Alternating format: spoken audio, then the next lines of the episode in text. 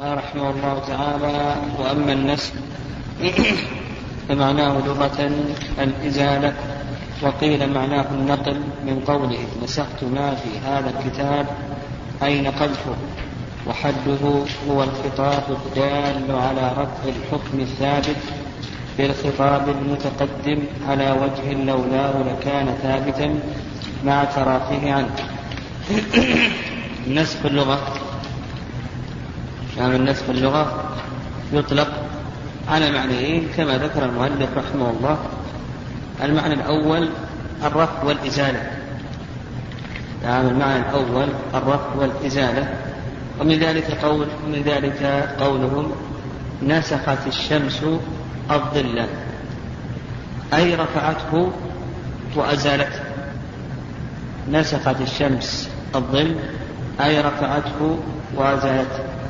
ومن ذلك أيضا نسخت الريح الأثر نسخت الريح الأثر أي أزالته ومنه قول الله عز وجل فينسخ الله ما يلقي الشيطان. وأما المعنى الثاني فقال وقيل معناه النقل. معناه النقل. ومن ذلك قولهم نسخت ما في الكتاب أي نقلته نسخت ما في الكتاب أي نقلته ومنه قول الله عز وجل إنا كنا نستنسخ ما كنتم تعملون. إنا كنا نستنسخ ما كنتم تعملون. آه. فرق بين المعنيين بين المعنى الأول والثاني.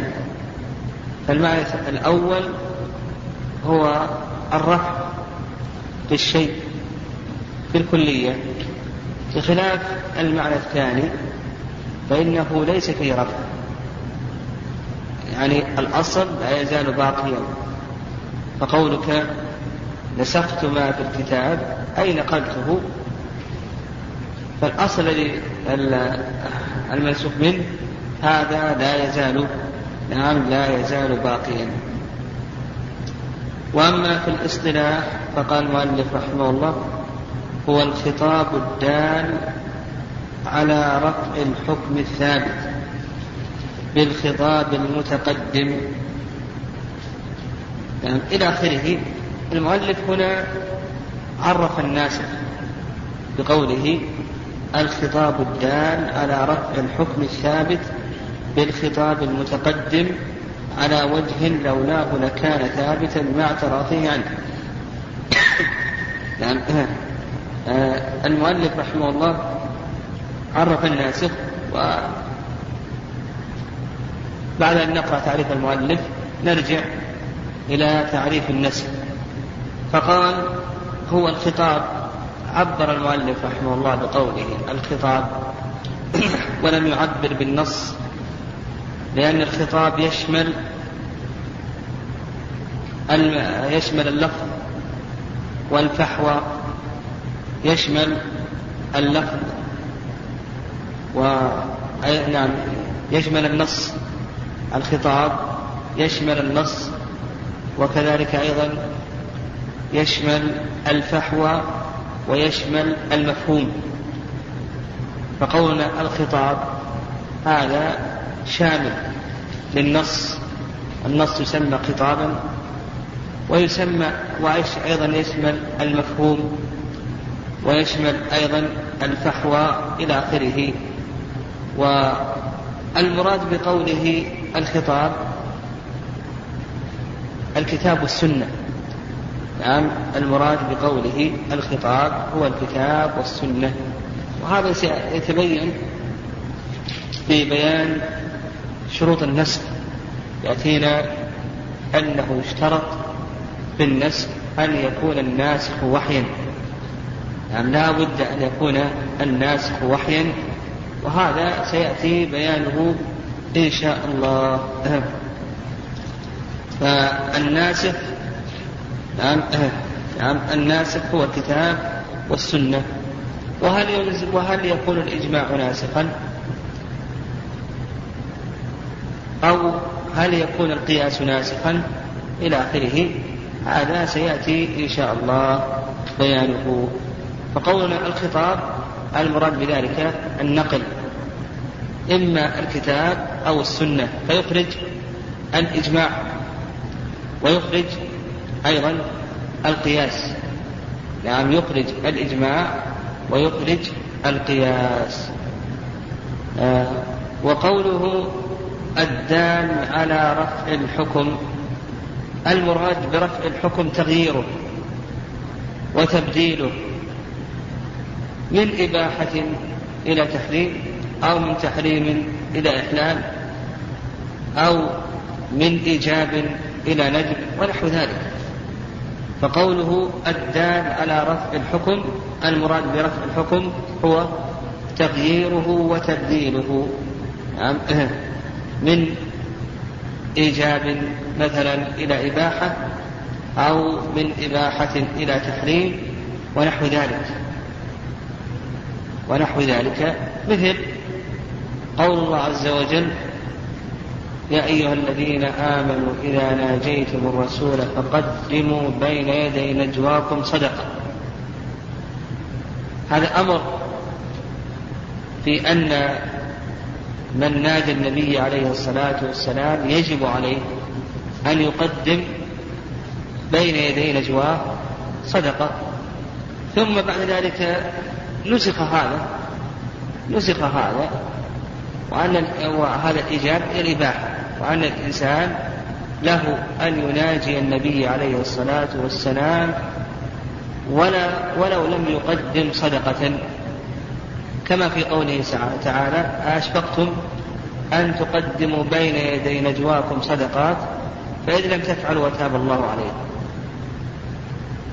ففي هذا نسخ من الإيجاب إلى نعم إلى إلى الإباحة. وأيضا الله عز وجل أباح الخمر في أول الإسلام في قول الله عز وجل تتخذون منه سكرا ورزقا حسنا ثم بعد ذلك حرم في قول الله عز وجل يا أيها الذين آمنوا إنما الخمر والميسر والأنصار والأزلام رجس من عمل الشيطان فاجتنبوه نعم. وقول المؤلف رحمه الله آه نعم الدال على الحكم الثابت بالخطاب المتقدم. قوله بالخطاب المتقدم هذا لكي يخرج رفع الحكم الثابت بالبراءة الأصلية. فهذا لا يسمى نسخا. الحكم الثابت بالبراءة الأصلية هذا لا نسميه نسخا. يعني النسخ لا بد أن يكون هناك حكم ثبت بخطاب.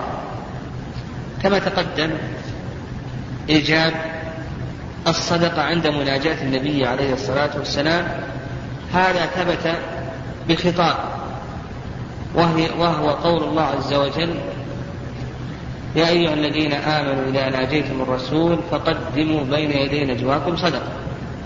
ثم رفع بخطاب. لكن الثابت بالبراءة الأصلية هل ثبت بخطاب أو لم يثبت بخطاب؟ هذا لم يثبت بخطاب. وعلى هذا رفع الثابت أو رفع الحكم الثابت بالبراءة الأصلية لا يسمى. نعم لا يسمى نسخا. لا يسمى نسخا. مثلا قول الله عز وجل وأقيموا الصلاة وآتوا الزكاة هذا ما نسميه نسخا. هذا لا نسميه نسخا. الأصل عدم وجوب الصلاة ثم جاء الخطاب بإيجاب الصلاة وأقيموا الصلاة وجاء الخطاب بإيجاب الزكاة وآتوا الزكاة. فهذا لا يسمى نسخا رفع الحكم الثابت بالبراءة الأصلية. هذا لا يسمى نسخا وإنما يكون نسخا إذا كان ثابتا بأي شيء بخطاب متقدم نعم بخطاب متقدم. وقول المؤلف رحمه الله على وجه لولاه الضمير هنا يعود على ماذا؟ على الخطاب الثاني. على الخطاب الثاني يعني لولا الخطاب الثاني لكان ثابتا. ما هو؟ نعم الحكم الثابت بالخطاب الأول.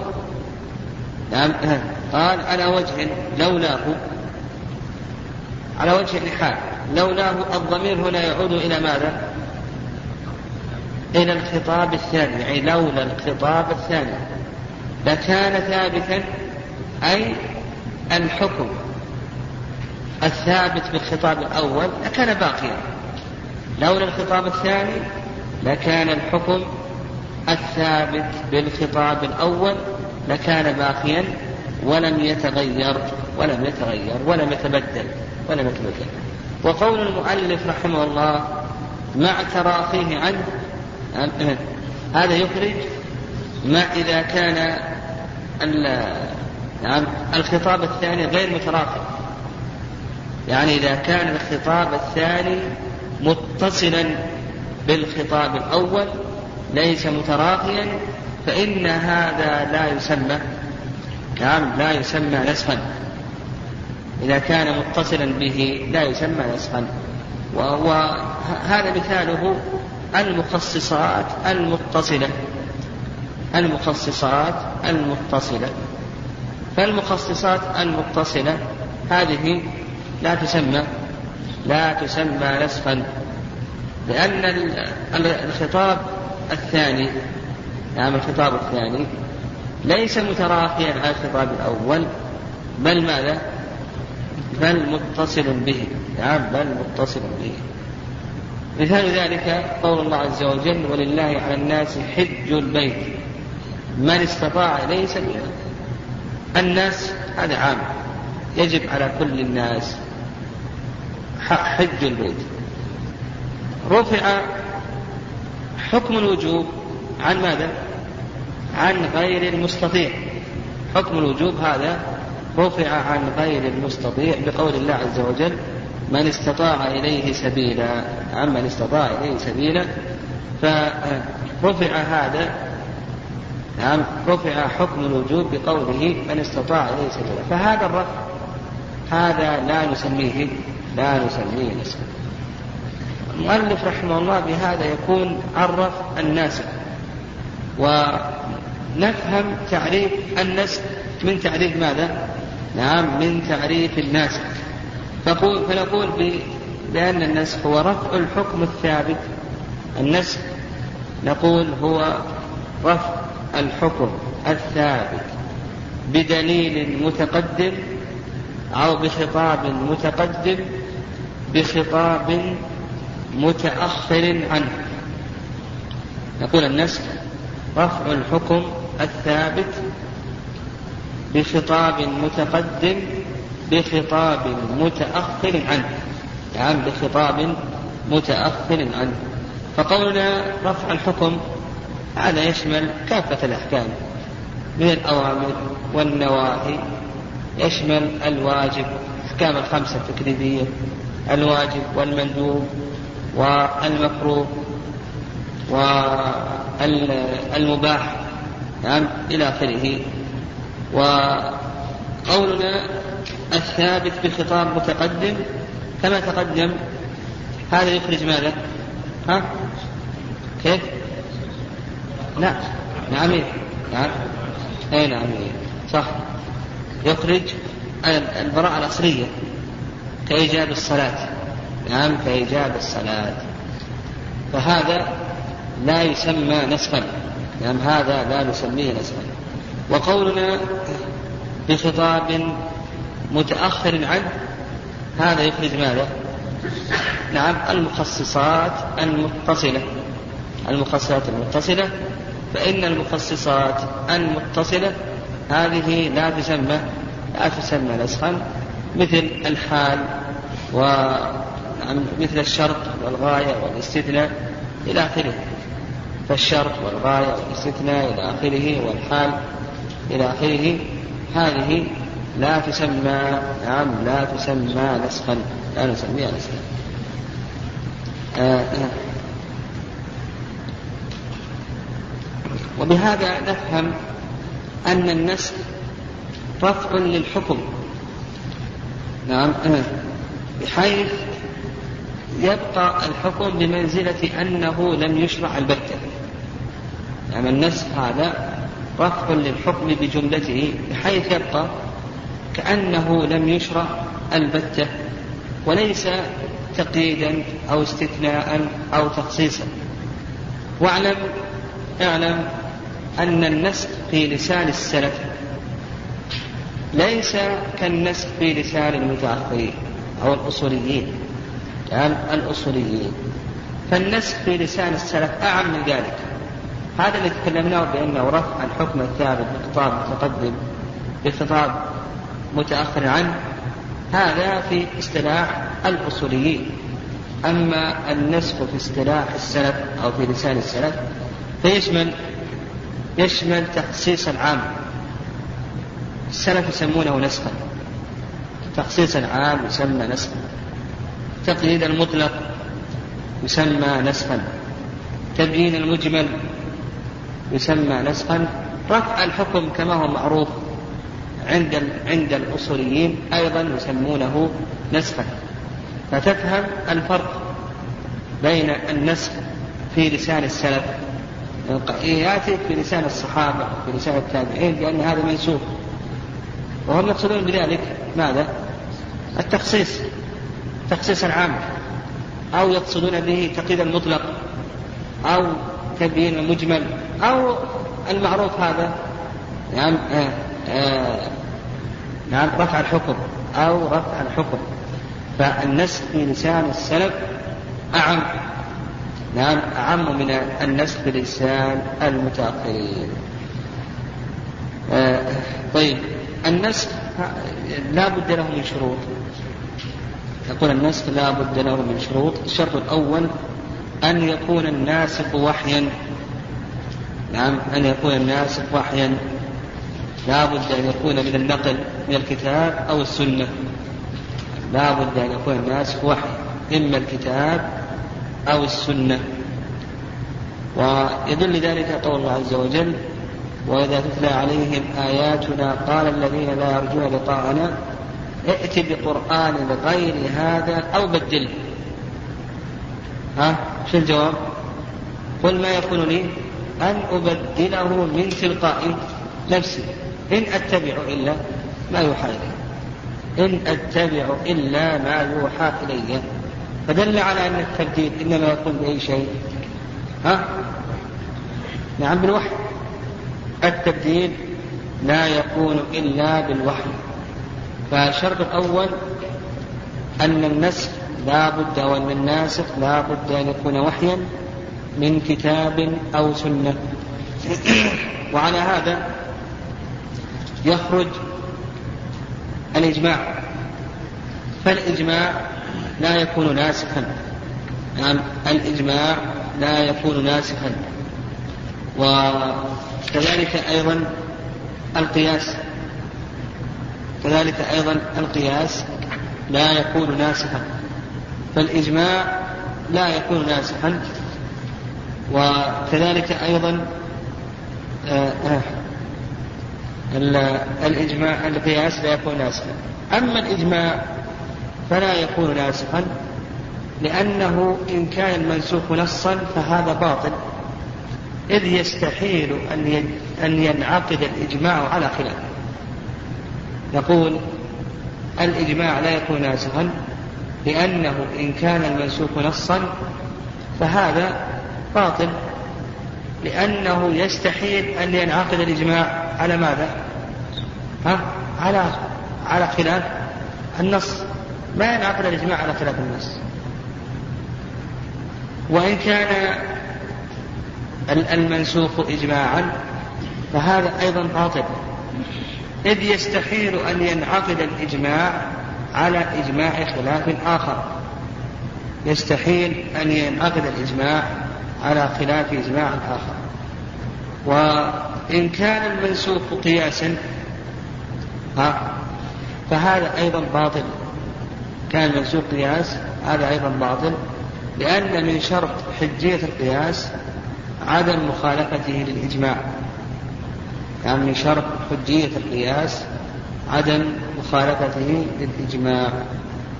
فنقول بأن النص بين الإجماع لا يكون ماذا؟ لا يكون ناسخا لماذا؟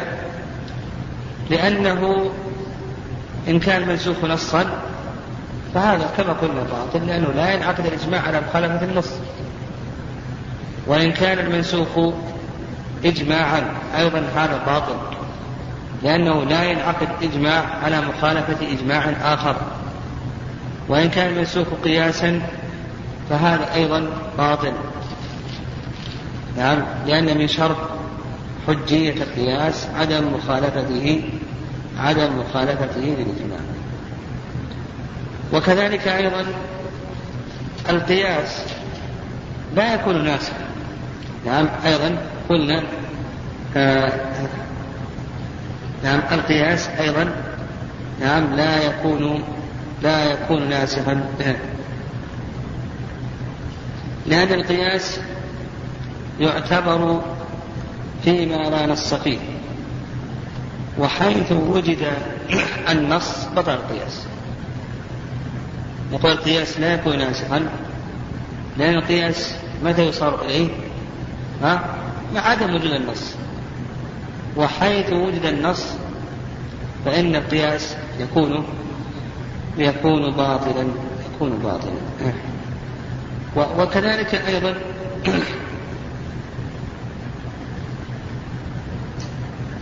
نعم كذلك أيضا لا يجوز النسخ بالأدلة العقلية. يعني غير القياس لا يجوز النسخ بالأدلة العقلية. لأن الأدلة العقلية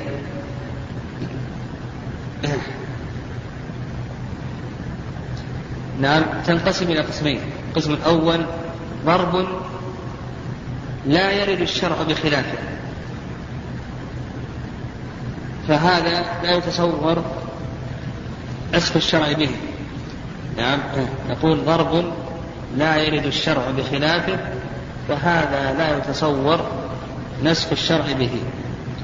والقسم الثاني ضرب يجوز أن يرد الشرع بخلافه. فهذا يجب العمل به. نعم يجب العمل به عند عدم الشرع وهو البقاء على حكم الأصل.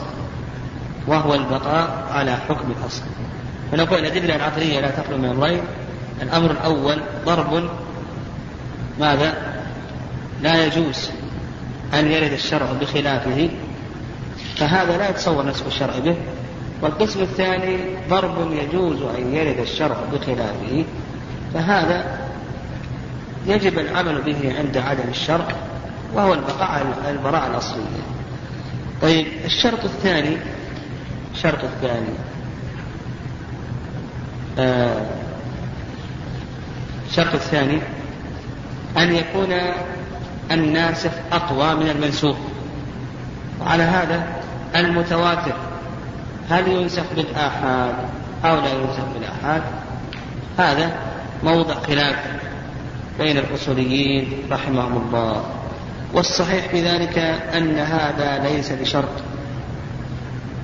فيصح أن يكون كل من الناسخ والمنسوخ في مرتبة واحدة أو أن الناسخ أضعف من المنسوخ.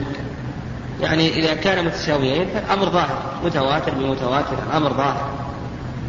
إذا كان الناسخ أعلى فالأمر أيضا ظاهر.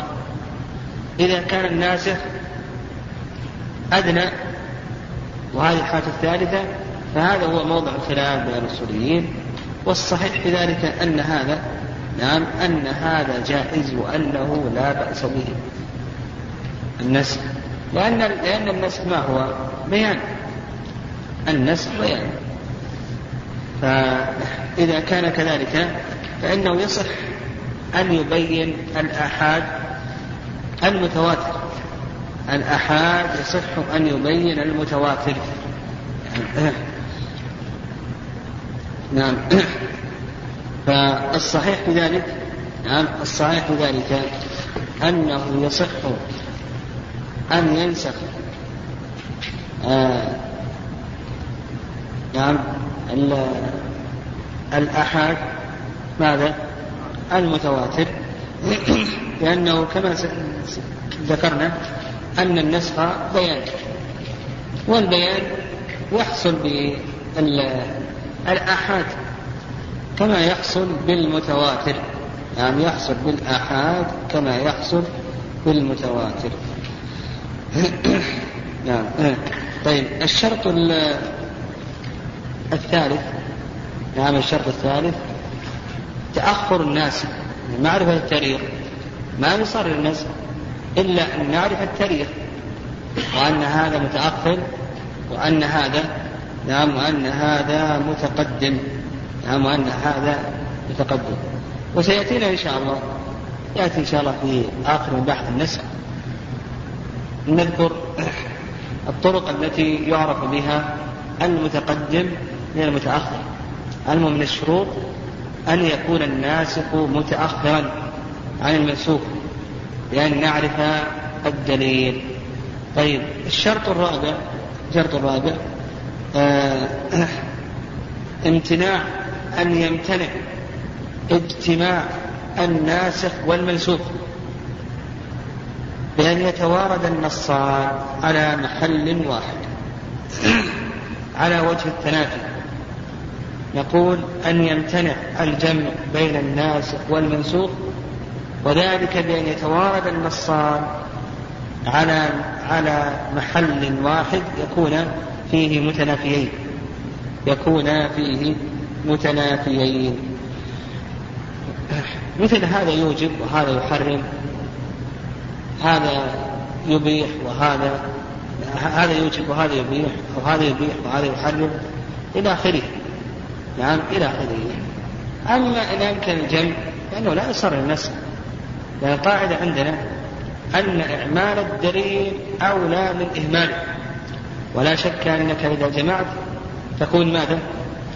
أعملت الدليلين جميعا. أما إذا صرت إلى النسخ فإنك تكون أبطلت أحد الدليلين. وصرت إلى النسخ تكون أبطلت أحد الدليلين. وقاعدة أن إعمال الدليل أولى من إهماله. طيب الشرط الخامس الشرط الخامس أن يكون المنسوخ حكما من الأحكام. أن يكون المنسوخ حكما من أحكام الفروع. نعم من أحكام الفروع. وسيأتينا إن شاء الله أن هناك أمور لا يتطرق إليها الناس.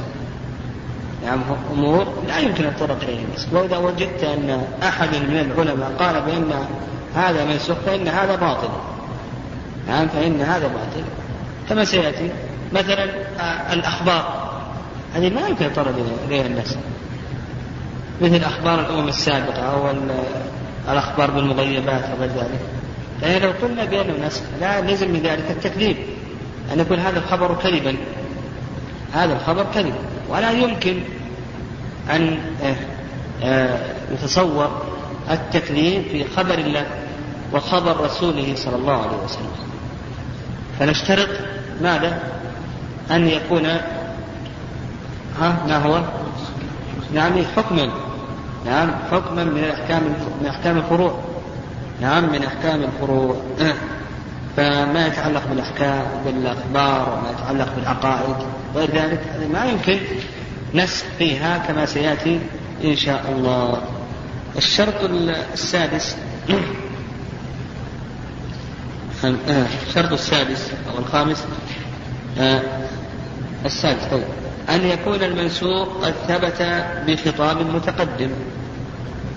فإن لم يكن ثبت بخطاب متقدم فهذا لا يسمى نسخا. كما سبق لنا إذا كان ثابتا بالبراءة الأصلية. فهذا لا نسميه لا نسميه نسخا. الشرط نعم آه، الشرط السابع أو الثامن أن يكون الناسخ منفصلا عن المنسوخ. كما تقدم أن يكون الناسخ منفصلا عن المنسوخ فإن كان الناسخ متصلا بالمنسوخ كالشرط والغاية والاستثناء إلى آخره فهذا ليس من التق... من النسب وإنما هو تخصيص. نعم هذا من التخصيص. هذا نقول ليس من النسب وإنما هو من التس... من التخصيص. طيب بقي شرط أخير آه، وهو أن يكون المنسوخ مطلقا. ليس محددا بوقت. أن يكون المنسوخ مطلقا ليس محددا بوقت. يعني أو بمدة معلومة. آه طيب. الفرق بين النسخ والتخصيص. يقول هناك فروق بين النسخ والتخصيص. النسخ والتخصيص يجتمعان. آه في في أن كل منهما فيه رفع للحكم. آه ففي التخصيص كما تقدم لنا ما هو؟ قصر الحكم على بعض أفراد العام قصر الحكم على بعض أفراد العام فالآن إذا قصرنا الحكم الحكم العام على بعض أفراده ها؟ فهذا كيف؟ نعم هذا فيه نوع من الرفع. رفعنا الحكم عن بعض أفراد العام. وهكذا النسب النسب هو رفع الحكم. النسب رفع الحكم. ففيهما تشابه من هذا الوجه. لكن هناك فروق بين النسخ والتخصيص. آه الفرق الأول أن النسخ يشترط فيه أن يكون الناسخ متأخر عن المنسوخ أما التخصيص فلا يشترط. فيصح أن يكون متصلا ويصح أن يكون متراخيا منفصل يعني يصح أن يكون متصلا ويصح أن يكون متأخرا عنه. واضح؟ يعني في في التخصيص يصح أن يكون متصلا كما تقدم لنا في قول الله عز وجل ولله على الناس حج البيت. من استطاع ليس هذا متصل. ويصح أيضا أن يكون التخصيص متراخيا آه متأخرا كما تقدم. أما النسخ فلا يمكن ذلك. طيب. الشرط الثاني أو الفرق الثاني أن أن التخصيص يكون لبعض الأفراد. ما يكون تخصيص لجميع الأفراد. يعني ما تجد عام أنه خص جميع الأفراد. إذا خص جميع الأفراد يسمى؟ نسخ لكن التخصيص الآن هو لبعض الأفراد. أما بالنسبة للنسخ فقد يكون نسخا لبعض الحكم وقد يكون نسخا لكل الحكم. قد يرفع الجميع وقد يرفع البعض. النسخ قد يرفع الجميع وقد يرفع البعض. لكن أن التخصيص لا يكون رفع للجميع. نعم لا يكون رفعا للجميع. طيب الفرق الثالث أن التخصيص لا يرد إلا على العام. بخلاف النسب فإنه يرد على العام وعلى غير العام. يقول النسب يرد على العام وعلى غير العام آه. آه. آه. كذلك أيضا نعم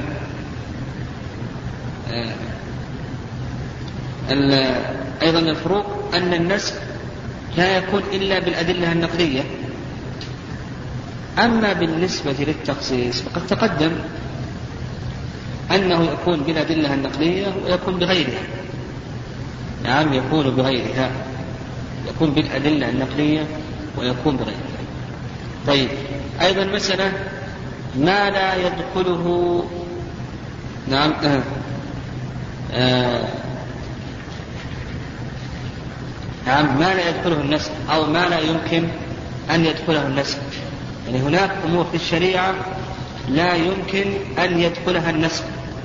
نعم لا يمكن. وتقدم لنا أنه يشترط من شروط صحة النسخ أن يكون النسخ في شيء في أحكام الفروع.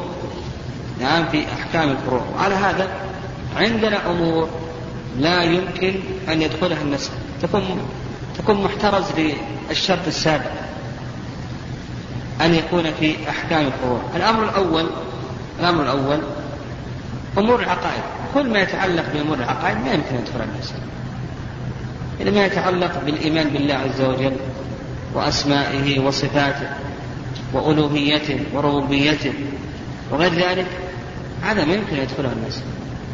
هذا لا يمكن أن يدخله النسل أمور العقائد هذا لا يمكن أن يدخل النسل أيضا ما يتعلق بالملائكة والإيمان بهم إلى آخره. أيضا الرسل الإيمان بالله وملائكته وكتبه ورسله واليوم الآخر بالقدر خيره وشره إلى آخره.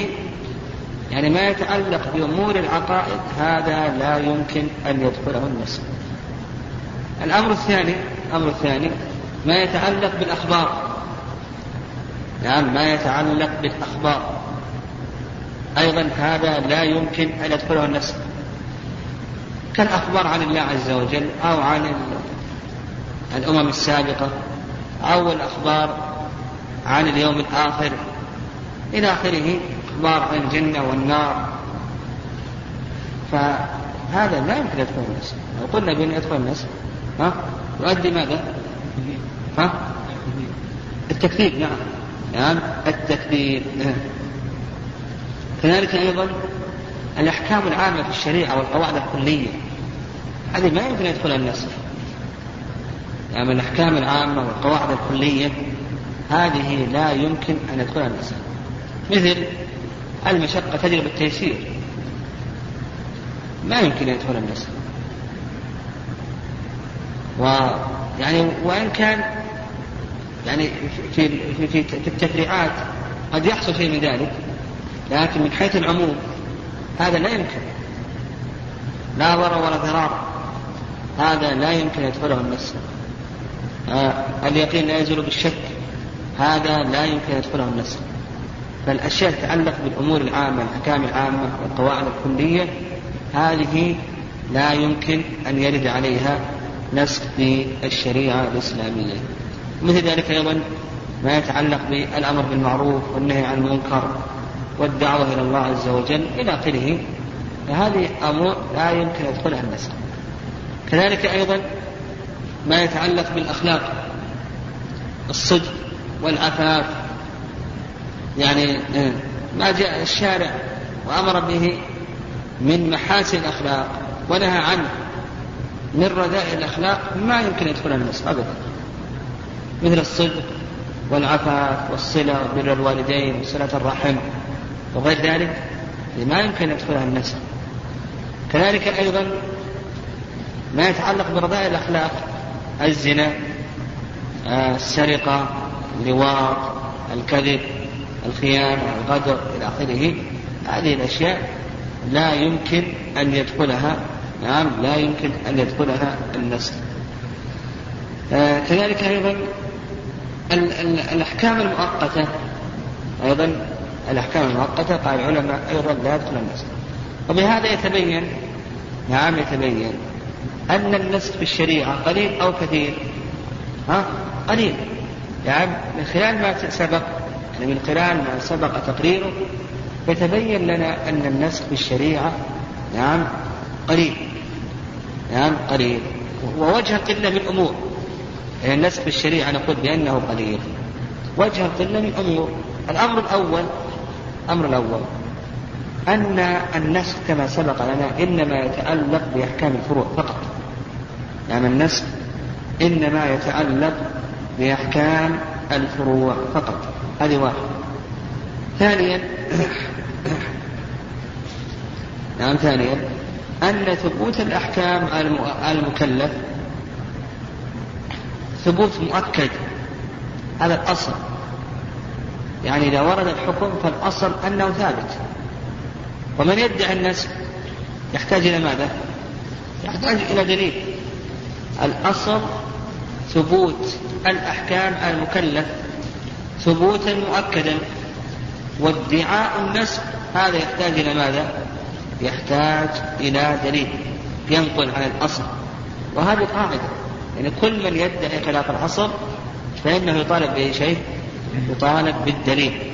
بخلاف من يدعي موافقة الأصل فلا يطالب بالدليل. يعني من يدعي موافقة الأصل لا يطالب بالدليل. الأمر الثالث مما يبين أن النسخ في الشريعة قليل.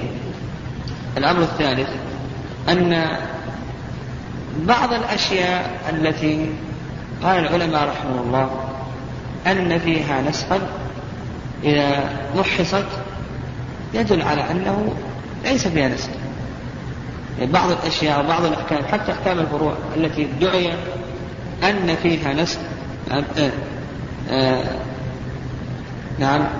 إذا نظرت فيها قد لا يجد فيها النسخ قد أنها تكون قابلة للجمع. وهذا يأتينا إن شاء الله عند تعارض الأدلة.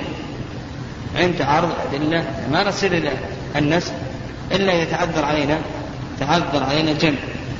أو قد آه نعم آه نخصص العام بالخاص أو المطلق بالمقيد إلى آخره. آه الحكمة من النسخ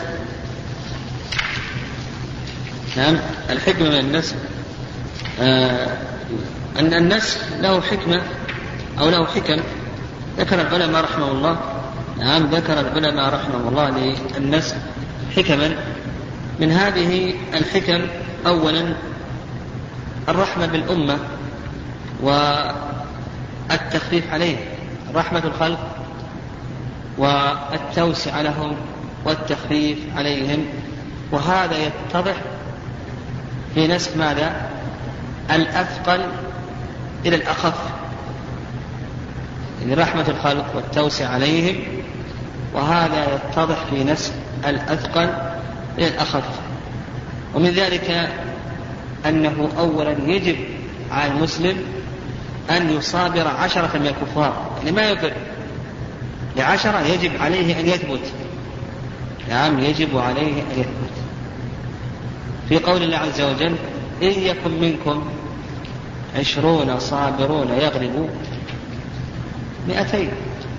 عشرون نعم يجب عليهم أن يصابروا مئتين. الواحد يجب عليه أن يصابر عشرة وألا يفر منه. ثم بعد ذلك نسخ ذلك. هذا الأثقل نسخ إلى الأخف وأن الإنسان يجب عليه أن يصابر أن يصابر اثنين أن يصابر. اثنين في قول الله عز وجل الآن خفف الله عنكم وعلم أن فيكم ضعفا فإن يكن منكم مئة صابرة يغلب مئة ألف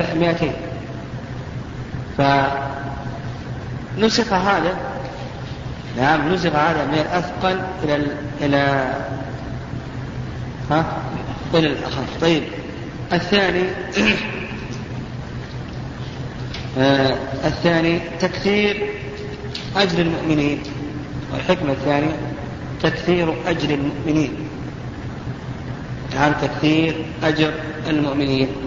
وذلك بنسخ الأخف للأثقل نعم نسخ الأخف إلى الأثقل. وهذا مثاله آه آه أنه في أول الإسلام أن الإنسان مخير في الصيام. بين أن يصوم ها وبين أن يطعم. في قول الله عز وجل وعلى الذين يطيقونه فدية طعام مسكين. ثم بعد ذلك نسخ ذلك بتعيين الصيام. فمن شهد منكم الشهر فليصم. نعم فمن شهد منكم الشهر فليصم. طيب الحكمة الثالثة دفع حجج العدو. دفع حجج العدو. كقول اليهود كقول اليهود يعني تصلي إلى قبلتنا ولا تتبع ملتنا. يعني تصلي إلى قبلتنا ولا تتبع ملتنا. فدفع هذا بالنسخ نسخ ذلك من استقبال بيت المقدس إلى استقبال الكعبة. وكذلك أيضا من الحكم تمييز قوي الإيمان من ضعيف الإيمان. كما قال الله عز وجل وما جعلنا القبلة التي كنت عليها إلا لنعلم من يتبع الرسول ممن ينقلب على عقله. والحكمة الرابعة والخامسة آه، أيضا الامتحان بكمال الانقياد. الامتحان بكمال الانقياد. وهذا يعني الامتحان بكمال الانقياد. هذا يكون في نسخ الشيء قبل التمكن من الفعل. نعم قبل التمكن من الفعل. مثل أمر إبراهيم عليه الصلاة والسلام بذبح ابنه. فانقاد عليه الصلاة والسلام لكنه نسخ ذلك قبل نعم قبل أن يتمكن من الفعل.